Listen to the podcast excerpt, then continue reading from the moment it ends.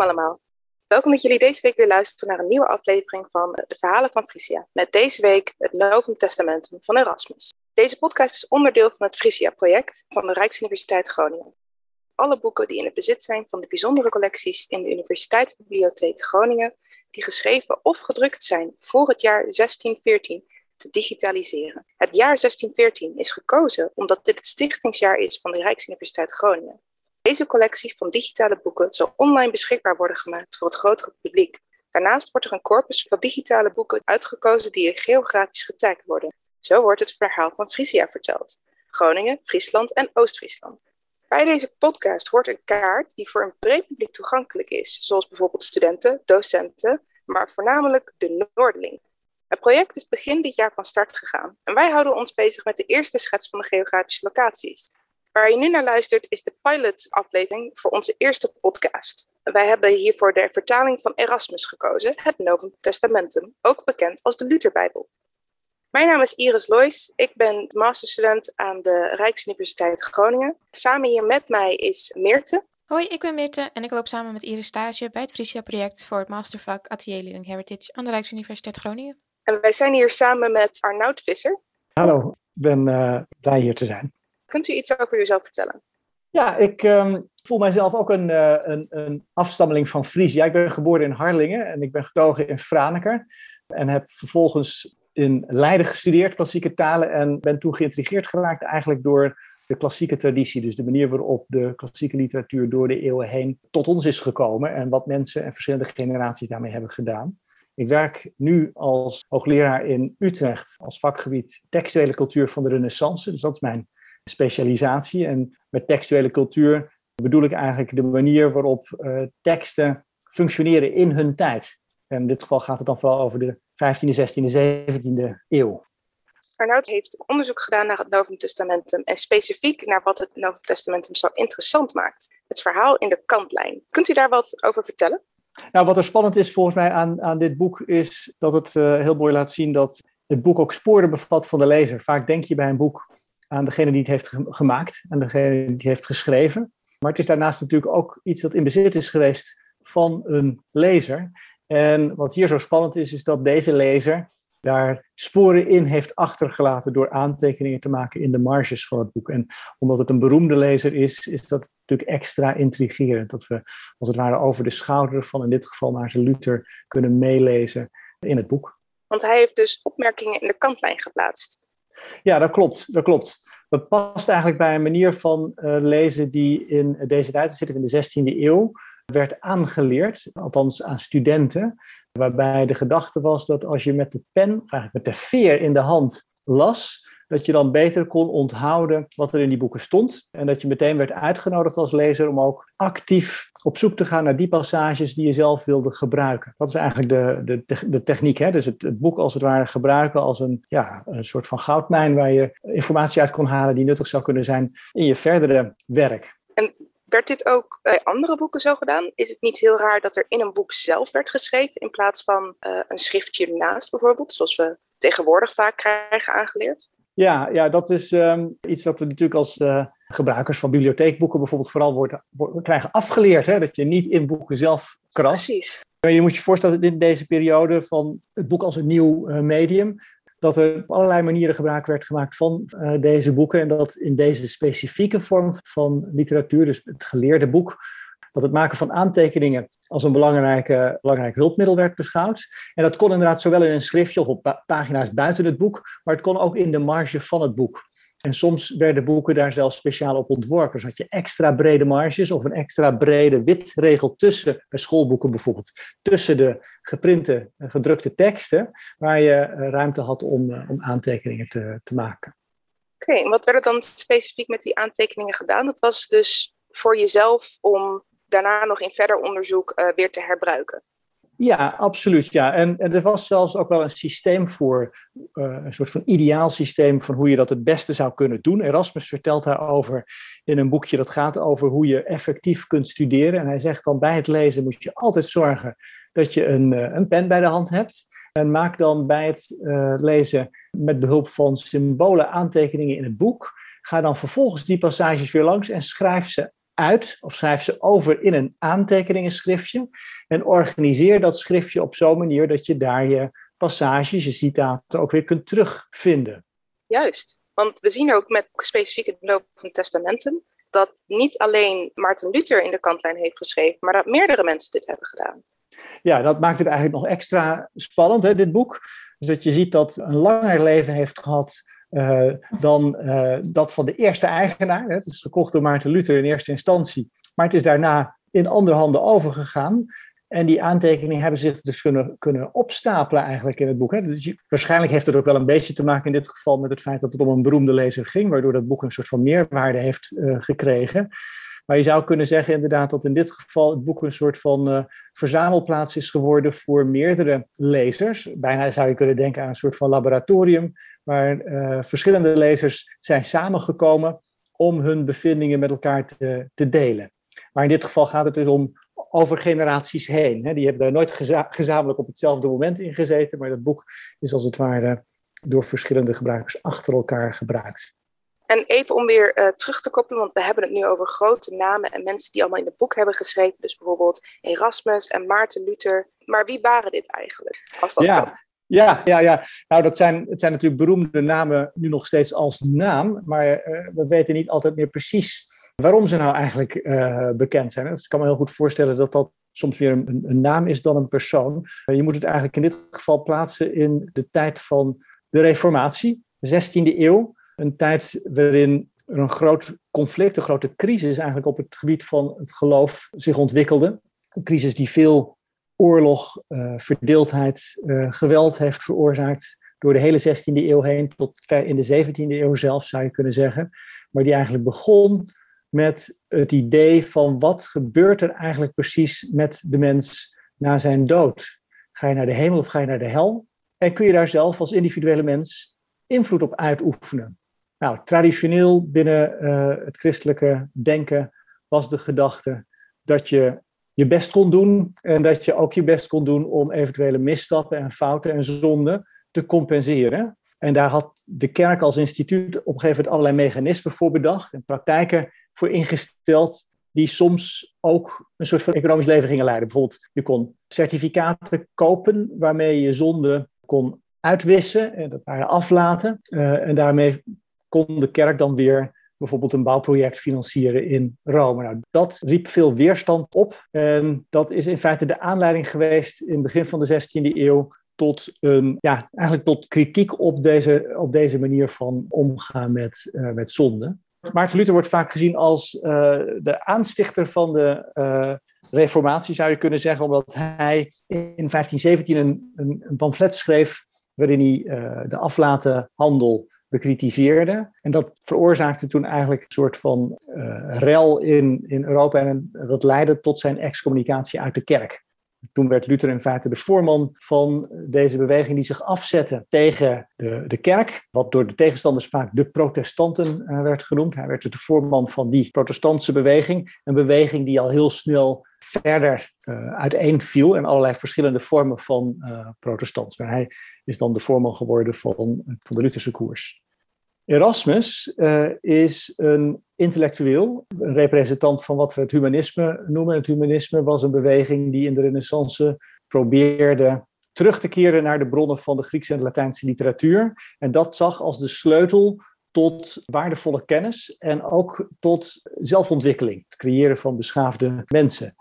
Daarvoor zagen zij kennis van Grieks en Latijn als de, de, de talen van cultuur als onmisbaar. Erasmus was een vertegenwoordiger van deze beweging en heeft zich dus ingezet voor de hervorming van het onderwijs volgens deze missie, hè, op, basis van deze uh, ambitie. En hij heeft dat onder andere gedaan ook door veel teksten opnieuw beschikbaar te maken. Teksten die in zijn ogen in de loop der eeuwen in, in het proces van overlevering eigenlijk uh, vol fouten waren gekomen door het overschrijven van verschillende generaties, verschillende versies. Hij ontwikkelde zich daarbij ook tot een, een denker uh, die kritisch keek naar de cultuur van zijn tijd. En dat deed in een stijl die heel toegankelijk was, waardoor hij een vrij brede, breed publiek kon aanspreken met zijn manier van uh, denken. Dus je kunt het ook in dat opzicht zien, niet alleen als iemand die teksten ter beschikking stelde, zich inzette voor onderwijs, zich inzette voor onderzoek, maar het was ook een vrijdenker die op een kritische manier keek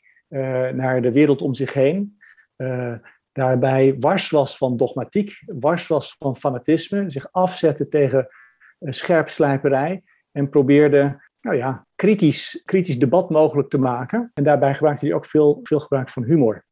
Op basis van die omschrijving zou je denken dat Erasmus en Luther wel overeen zouden kunnen komen. Was dit in het echt ook het geval? Of? Nou, dat is, een, dat, is, dat is een interessante geschiedenis. Ze hebben in eerste instantie, toen ze elkaar nog niet kenden, was er wel het idee dat ze eigenlijk op elkaar leken qua uh, sympathie voor een hervorming. Een andere manier van kijken naar het geloof meer gericht op spiritualiteit, meer gericht op de tekst van de Bijbel zelf in plaats van alle gegroeide tradities daaromheen. Maar al snel werd duidelijk dat Luther daarin veel verder wilde gaan, namelijk ook zich wilde afsplitsen van de kerk waar Erasmus huiverig voor was. Dat vond hij te ver gaan en hij vond dat uh, dat ook een gevaarlijke koers was. En dus komt er eigenlijk aan het begin van de jaren 20 van de 16e eeuw een breuk tussen de twee. Uh, en dat leidt zelfs tot een groot, groot conflict, een polemiek. Erasmus wil zich afzetten van Luther door hem aan te vallen op een specifiek punt van zijn denken, namelijk de vrije wil. En dat markeert de, de grote clash tussen Luther en Erasmus. En sindsdien is het, uh, zijn ze eigenlijk steeds verder uit elkaar gegroeid. Of wordt het eigenlijk steeds meer een soort van uh, vijandschap. En hoe hebben ze dat dan gedaan, dat clashen? Kwamen ze elkaar tegen en werd het een uh, mano a mano? Nee, nee, nee. nee, je moet het zien als um, Erasmus was uh, al een beroemd schrijver. Tijd dat uh, Luther zijn eerste entree maakte met zijn kritiek op de aflaten. Erasmus was toen al een beroemde naam.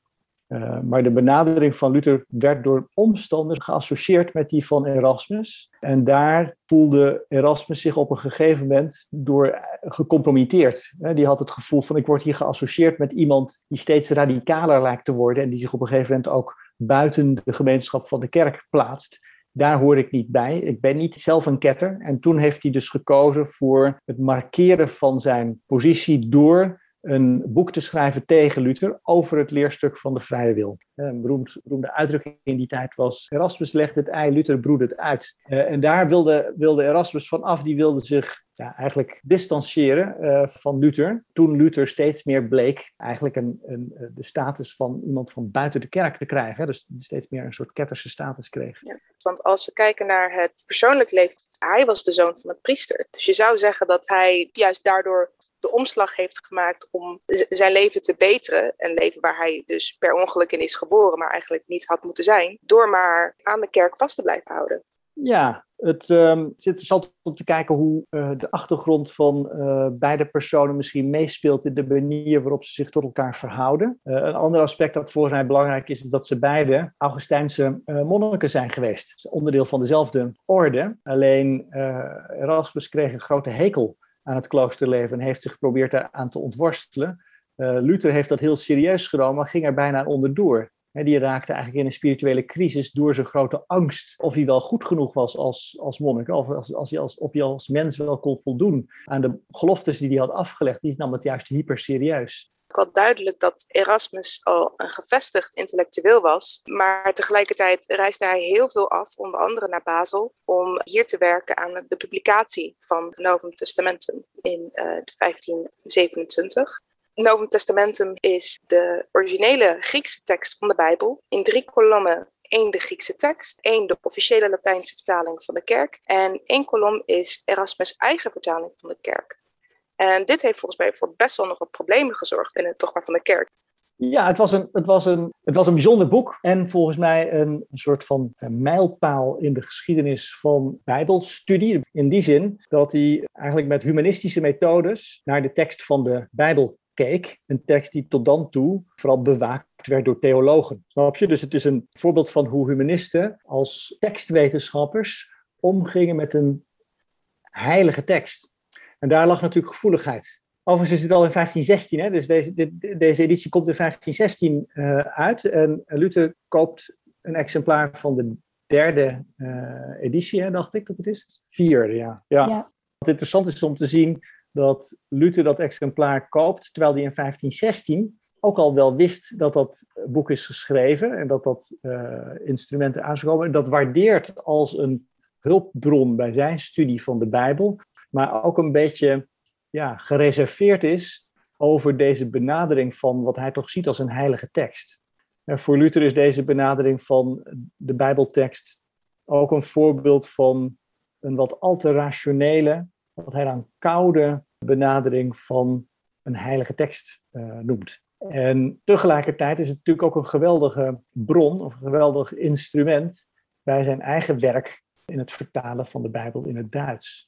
Dus hij heeft, uh, heeft het nodig als een instrument in zijn eigen werk, maar de benadering vindt hij ook gevaarlijk. Maar wat maakt het dan dat hij niet de, editie al, de eerste editie al kocht in 1516, maar wachtte tot de vierde editie van 1527?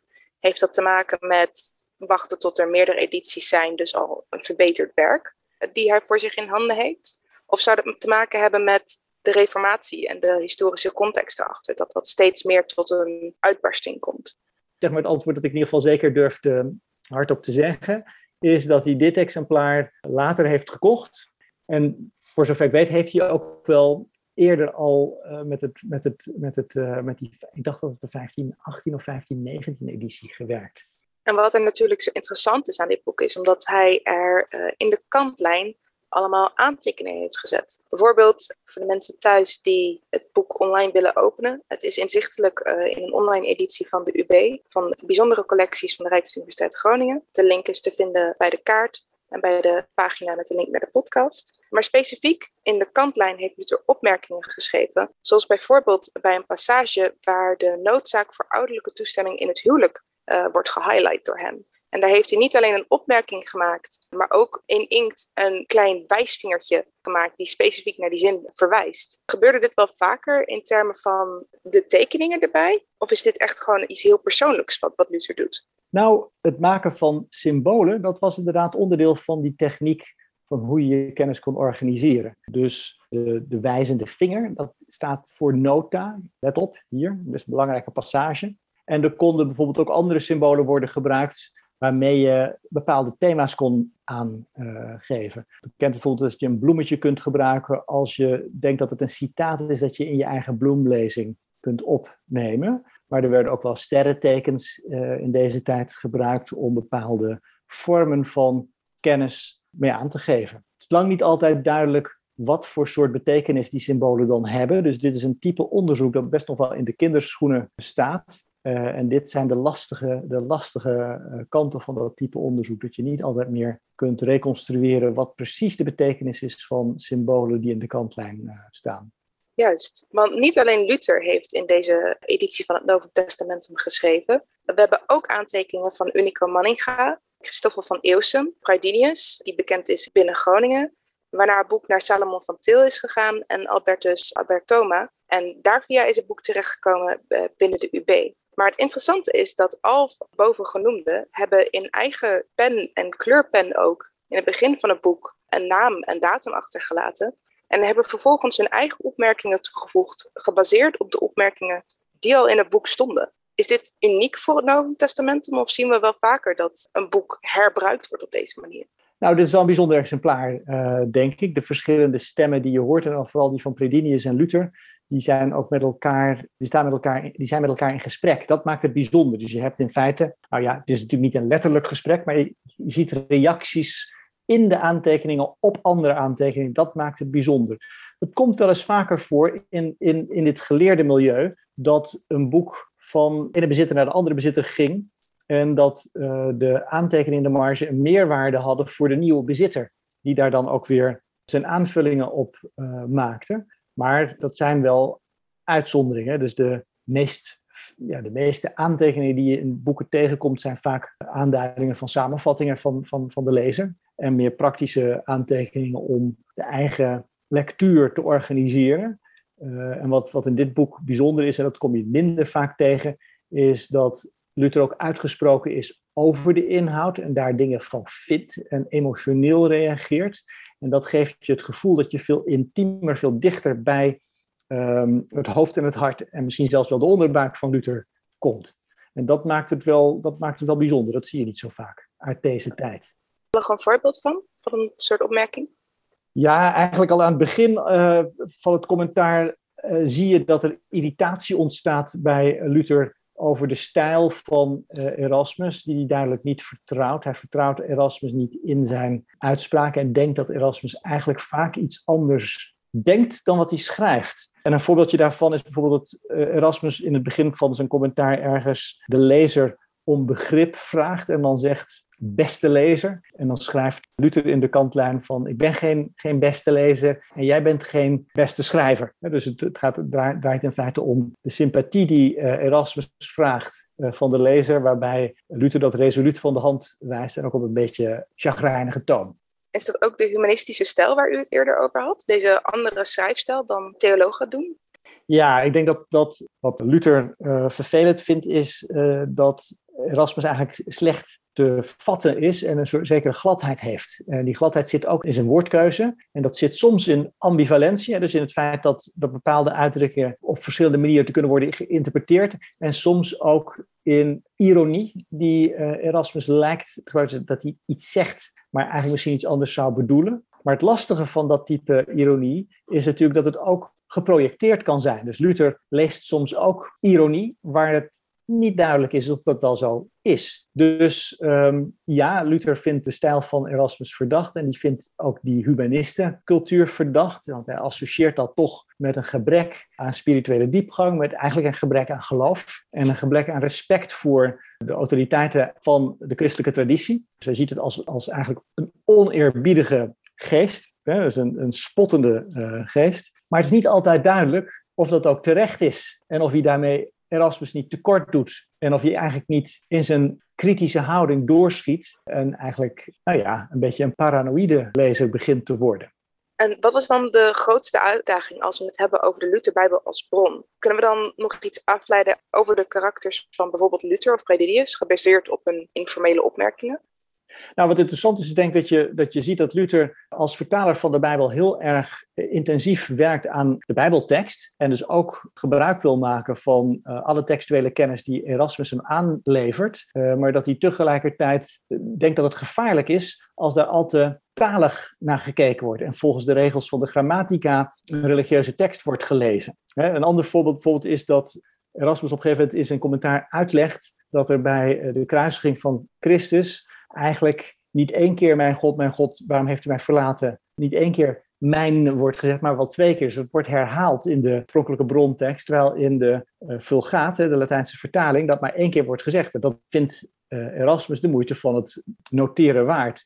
Luther wordt daar heel onge, ongeduldig van. Die, die denkt van wat is dit voor humanistische navelstaarderij? En die schrijft dan in de marge van wat heeft dit gezwets voor zin? En dan zie je dus het type spanning dat hij aan de ene kant geïnteresseerd is in toegevoegde waarde bij die bijbeltekst maar niet van dit soort opmerkingen, omdat hij daarvan het gevoel heeft, ja, dit, dit is een manier van kijken naar een heilige tekst die totaal waardeloos uh, is. En dit zit op het niveau van nutteloos, maar er zijn dus ook opmerkingen waarbij hij vindt dat het ondermijnend is voor de Bijbeltekst. Hè? Waarbij hij bijvoorbeeld het gevoel heeft dat als Erasmus zegt van ja, we weten niet helemaal zeker hoe deze, hoe deze tekst echt heeft gezegd, maar dit lijkt niet een origineel stukje het lijkt niet een, een, een, correcte vertaling te zijn of het lijkt niet een, een, correcte weergave van de tekst te zijn, dat Luther dan zegt van ja, maak alles maar onzeker. Zit je weer alles onzeker te, te maken.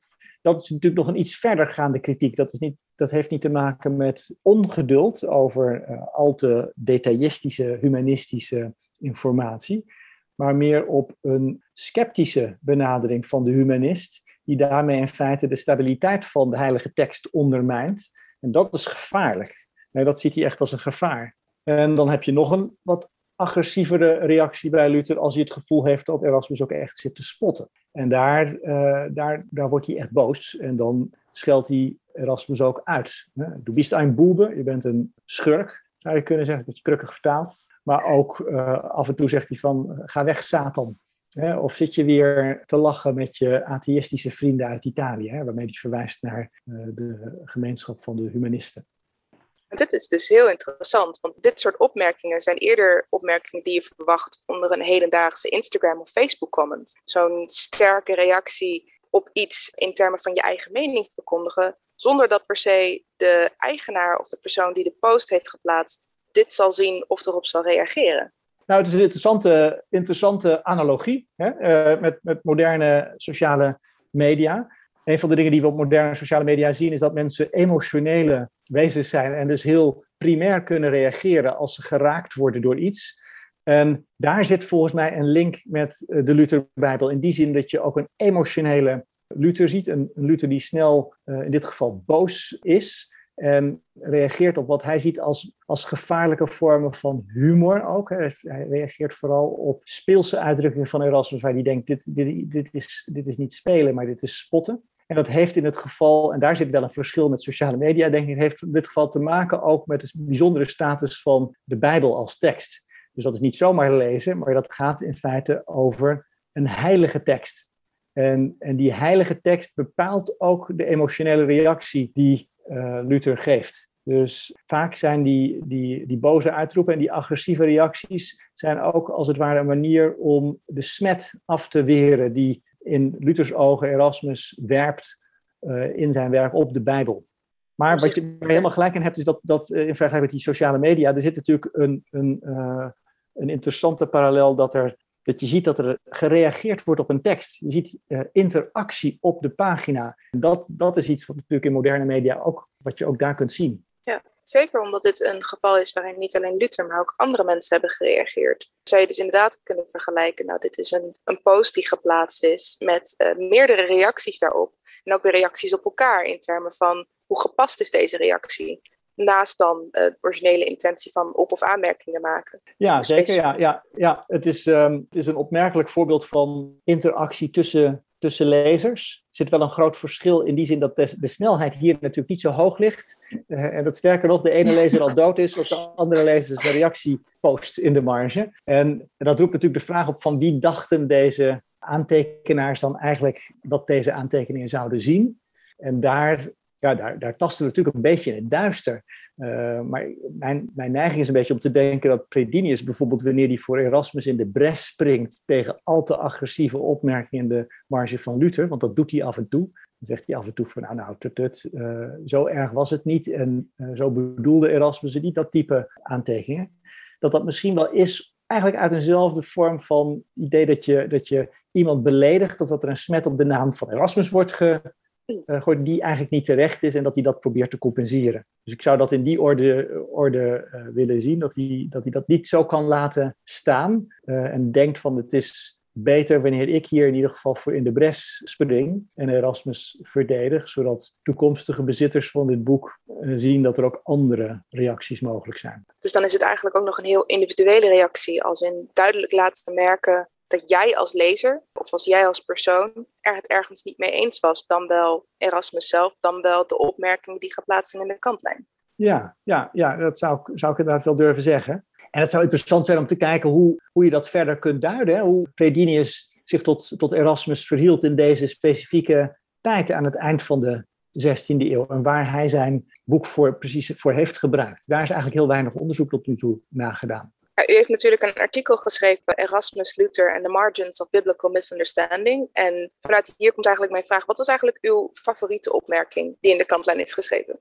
Het aardige is dat het kijken naar de opmerking, daarom zou ik iedereen willen uitnodigen om het boek sowieso te gaan bekijken via het scherm, is al heel bijzonder. Want je hebt dus echt het idee dat je uh, door het handschrift van Luther te bekijken ook ziet op wat voor manier zo'n man heeft gelezen. Het is voor een deel natuurlijk haastige aantekeningen. Voor een deel zijn, als het boze aantekeningen zijn, zie je soms de emotie ook door het feit dat de inktafdruk nog op de andere pagina te zien is. Dan heeft hij het boek dus kennelijk dichtgeslagen voordat de inkt droog uh, was. En die materiële kant, ja, die materiële kant is fascinerend om te zien. Dus alleen al het bekijken van zo'n object geeft je een soort van beeld van hoe zoiets moet zijn geweest voor iemand uh, die dat boek gebruikte. En Daarnaast is, is de dynamiek tussen de verschillende, hè, tussen, tussen Erasmus en Luther, is interessant om te zien. Dus die boze, die boze uitroepen zijn natuurlijk wel heel vermakelijk. Uh, de Biestein Boebe is natuurlijk voor ons nu een geestige uitdrukking, omdat je uh, niet gewend bent dat Erasmus zo wordt genoemd door Luther. Hè? Dat, dat, dat, maakt het, dat maakt het vermakelijk.